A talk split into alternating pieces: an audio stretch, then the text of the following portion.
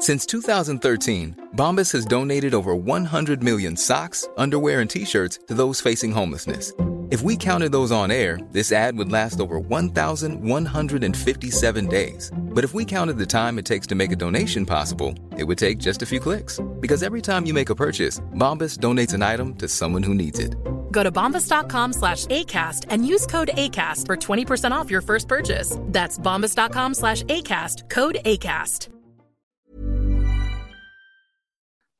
Pendengar GGMI Podcast, baik lagi bersama kita bertiga di podcast edisi tidak ada game week seperti biasa karena sedang international break. Oh. Dan selayaknya ketika tidak ada game match, kita akan membicarakan hal lain. Dan pada saat ini karena masih dalam proses bursa transfer musim dingin 2022 dan menyisakan dua hari lagi sebelum resmi ditutup, kita pengen ngomong isu yang sedang lumayan santer, yang mana sebenarnya dari awal musim dingin dibuka ya nama ini udah sering banget nih kita bahas gitu kan tipis-tipis gitu kan dan media-media juga sering bahas juga yaitu Haidara nah gue mau ke Alvin masalah Haidara lu ngelihat ini pure rumor yang bersirkulasi secara rutin atau ada endingnya Vin? Menurut gua ya, sejauh ini belum ada endingnya sih. Karena baru rangnik keinginannya dia yang kayaknya board ini masih bingung. Khawatir kalau misalnya dibeli sekarang ternyata bakal nggak cocok sama karakteristik dari pelatih yang nanti bakal datang kan di summer nanti gitu. Jadi menurut gua MU masih nggak mau mengulang kesalahan Donny van de Beek sih. Yang ya lu beli untuk sebuah hal yang kayak ya kasarnya sia-sia gitu. Karena lu 40 juta nggak kepake dan sekarang lu harus keluar duit lagi yang kalau nggak salah tuh 30 juta pounds dan itu bukanlah sebuah angka yang kecil kan untuk seorang pemain yang lu nggak tahu nih bakal kepake atau enggak dan lu kalau misalnya nggak kepake lu bakal beli pemain yang harus 100 juta yaitu Declan Rice Oke,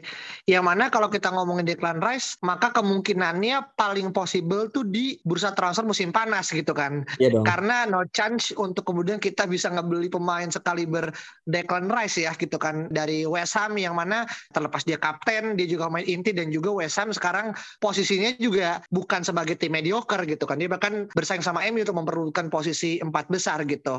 Nah, cuman kalau ngomongin Haidara nih Vin, eh, sekarang kan dia lagi ikut AFCON ya gitu kan di Mali. Gua nggak terlalu tapi dari report yang gue tangkap permainannya cukup oke.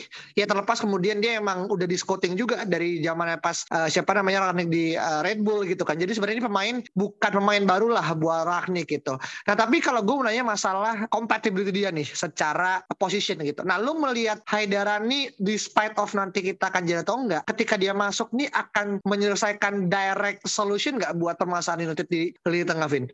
Nah ini yang gue agak bingung nih karena gue coba baca ya. Jadi gue nemu sebuah artikel judulnya scoutedftbl.com itu isinya tentang best young football players dan salah satunya ada Amadou Haidara di sana. Dan mereka bilang bahwa kelebihannya Haidara adalah salah satunya progressive passing. Dan itu adalah satu hal yang mungkin Scott dan juga Fred itu agak kurang. Dan kedua Haidara ini adalah combative player who works hard in defense. Mirip banget kayak Fred dan juga Scott. Jadi tipikalnya itu yang box to box dan juga pekerja keras. High stamina juga. Dan kelemahannya yaitu yang pertama adalah dual fisik karena dia bukan tipe pemain yang gede banget badannya. Kedua nggak terlalu membantu kalau set pieces terutama lagi defense. Yang mana itu adalah salah satu kekurangan kita kan di musim ini dan juga beberapa musim ke belakang. Kita defense sering kebobolan attack juga nggak bisa golin out set pieces dan kemudian ada satu poin penting yang kalimatnya adalah lazy decision in possession. Itu gue agak ngeri tuh baca itu kayak maksudnya apa ya lazy decision in possession ini menjadi sebuah kelemahan dari Haidara jadi gue nggak tahu nih apakah dia malas mencari ruang atau dia ketika lagi pegang bola dia suka salah ambil keputusan itu yang gue masih belum banyak nonton sih Haidara itu gimana cuma em, kalau boleh deskripsi dari artikel tadi itulah yang disebutkan Oke,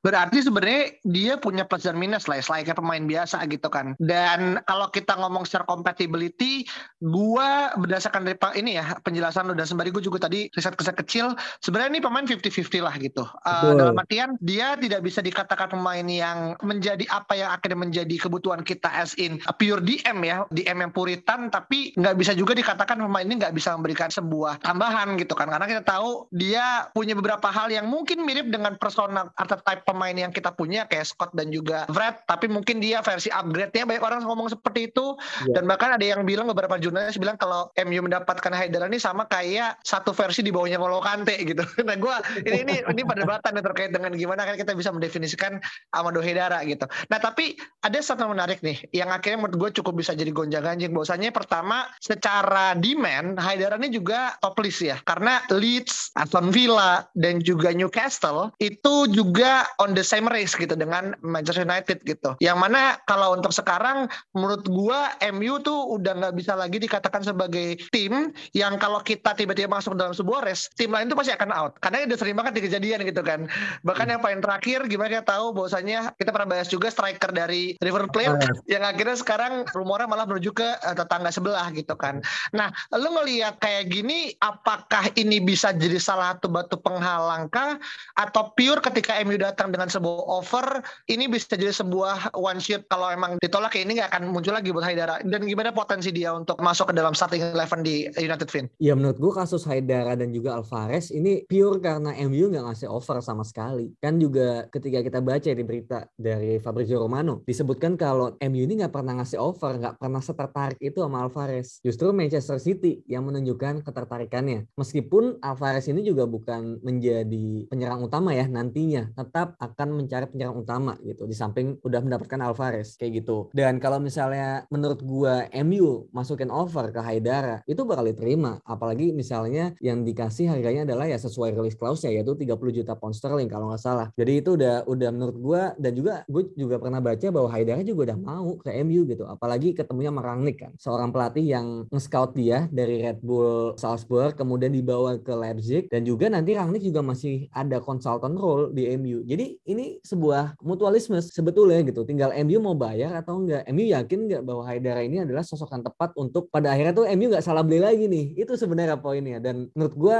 masih ada perdebatan lah di barisan board MU bahwa ini tuh pemain bukan pemain yang tepat untuk sekarang. Karena balik lagi, mereka masih menganggap Declan Rice adalah jawabannya. Gitu aja sih. Dan kalau lu tanya kecocokannya menurut gue cocok-cocok aja. Karena sebenarnya Haidar ini kan cocok ya dengan tipikal pressing yang lagi dianut oleh Rangnick. Dan juga mungkin pelatih barunya nanti pasti bakal bermain pressing juga. Tim mana sih yang nggak bermain pressing kan gitu kan. Jadi pemain seperti Haidar ini fungsional banget dan gue lebih setuju bahwa Haidara ini adalah upgrade-nya Fred dan juga Scott. Tapi gue percaya bahwa dia bukanlah solusi utama untuk menggantikan atau mengisi posisi DM yang selama ini kita butuhkan. Itu sih. Oke, berarti yang gue tangkap nih case-nya Haidara nih mungkin mirip dengan pembelian Amat Diallo kali ya. Bedanya oh. ya Amat kasarnya secara umur jauh lebih muda dibandingkan Haidara gitu kan. Dan mungkin secara langsung masuk ke tim utama, gue nggak lihat juga Haidara akan diturunkan ke U23.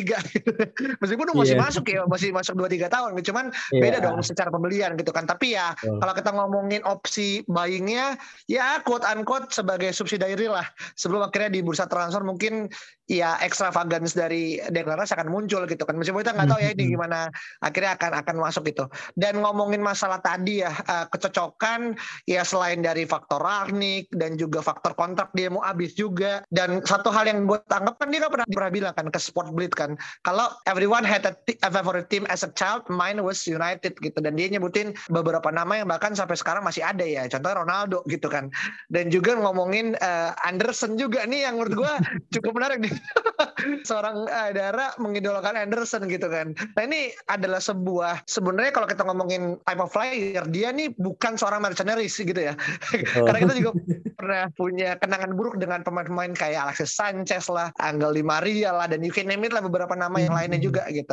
Nah lu ngelihat Haidara nih gimana Vin? Kalau kita ngomong ini, kalau emang kita jadi beli gitu kan, dan kita tahu dia akhirnya nggak jadi pilihan utama back again ketika kita ngomongin di future gitu. Apa sih sebenarnya yang dicari gitu? Karena apakah Haidara ini akan menimbulkan korban dalam artian Scott atau Fred harus dijual karena most likely Matic akan keluar gitu kan dan akan kedatangan lagi misalkan deklarasi masuk misalkan gitu. Lihat gimana nih pergolakan dalam dinamika lini tengah MU, Vin? Um, sebenarnya nggak ada masalah sih karena Matic juga bener yang lu bilang Matic bakal keluar anyway. Pogba pun kemungkinan besar bakal keluar dan juga nasib Donny van de Beek nggak tahu ya bakal gimana. Lingard pun bakal kemungkinan besar keluar juga. Jadi praktis kita tuh udah nggak punya gelandang lagi selain Fred, Scott, Bruno Fernandes, van de Beek dan juga DM mungkin nanti siapa pun itu ya. Let's say Declan Rice salah satu. Tetap menurut gua hadirnya Haidara ini bisa menjadi apa ya kedalaman squad yang sangat dibutuhkan untuk ya bermain di empat atau lima kompetisi sekaligus. Itu sangat dibutuhkan menurut gue. Dan pemain kayak Fred dan Scott ini kan ada kalanya juga mereka nggak bisa bermain terus-terusan ya terkait dengan performa ataupun dengan badai cedera yang mungkin bisa melanda mereka. Jadi menurut gua nggak ada salahnya lu beli Haidara 30 juta dan apalagi pemain ini juga sangat disukai oleh Rangnick ya gitu dengan etos kerjanya dengan high stamina yang tadi udah gue bilang kan. Jadi pemain ini tuh pemain fungsional kayak gitu sih menurut gua dan kalau bicara posisi dia bisa bermain sebagai DM, bermain sebagai CM juga dan bisa bermain sebagai sayap kanan. Mungkin sayap kanannya lebih ke sayap kanan yang bertahan ya. Yang mana gua lihat mungkin dipaksa jadi bek kanan pun bisa-bisa aja kayak gitu. Jadi nggak ada ruginya menurut gua untuk mengeluarkan Haidara dengan seharga 30 juta karena terlepas dari nanti kita beli gelandang DM yang puritan, let's say Declan Rice, Chouameni ataupun siapa pun itu, Haidara pun akan tetap kepake, pasti kepake. Oke, okay. berarti kasarnya ini ini bukan semacam kayak buy one get rid one ya. Maksudnya ini lebih kepada memang in the end of the day kita akan ditinggalkan beberapa pemain gitu kan. Iya. Uh, baik itu putus kontrak, dalam arti kontraknya habis atau ya simple emang secara persona udah nggak dibutuhkan lagi itu secara mungkin udah nggak kayak Matrix gitu, Matrix lagi, Matrix gitu kan yang akhirnya dan, jadi Matrix. Dan Fred itu usia udah Oke oke oke. Fred juga udah 29 loh. Oh iya ya. Iya. Gue kira tuh karena postur kecil gue kira masih 26 gitu. Fred udah 29. Iya, iya, oke oke oke. Nah ini ini mungkin terakhir kali ya sebagai sebuah uh, intermezzo juga gitu. Jadi gue pernah kemarin ngeliat salah satu tweet gitu kan di Twitter yang ternyata nge-capture kalau Amado Haidara ini diam-diam udah nge-follow MU bos oh, iya. di Instagram. Gak cuma MU tapi Ronaldo dan gue lupa satu pemain lagi kalau nggak salah siapa gue lupa lah kayak gitu. Jadi ini gue nggak tahu nih apakah cara Haidara untuk kemudian flirting ya kalau bahasanya PDK itu kan itu kan orang kan bisa nge-like like foto Instagram atau nge-follow. Nah ini pemain-pemain macam ini kan perlu kita lihat ya gerak-geriknya gitu kan. Dan hmm. ini yang akhirnya ngebuat beberapa orang punya persepsi liar kalau Haidara bisa jadi adalah United Bond gitu kan. Dan juga satu hal yang perlu kita ingat ya, dia di 16 besar udah kalah ternyata, udah gugur. Yeah. Jadi sebenarnya dia ini lagi proses balik dan sebenarnya yang udah nggak ada hal yang udah ngebuat dia holding back gitu kan. Tinggal Betul. ketika pulang, ya dia pulang ke Jerman dulu baru ke Inggris langsung ke Inggris doang gitu kan.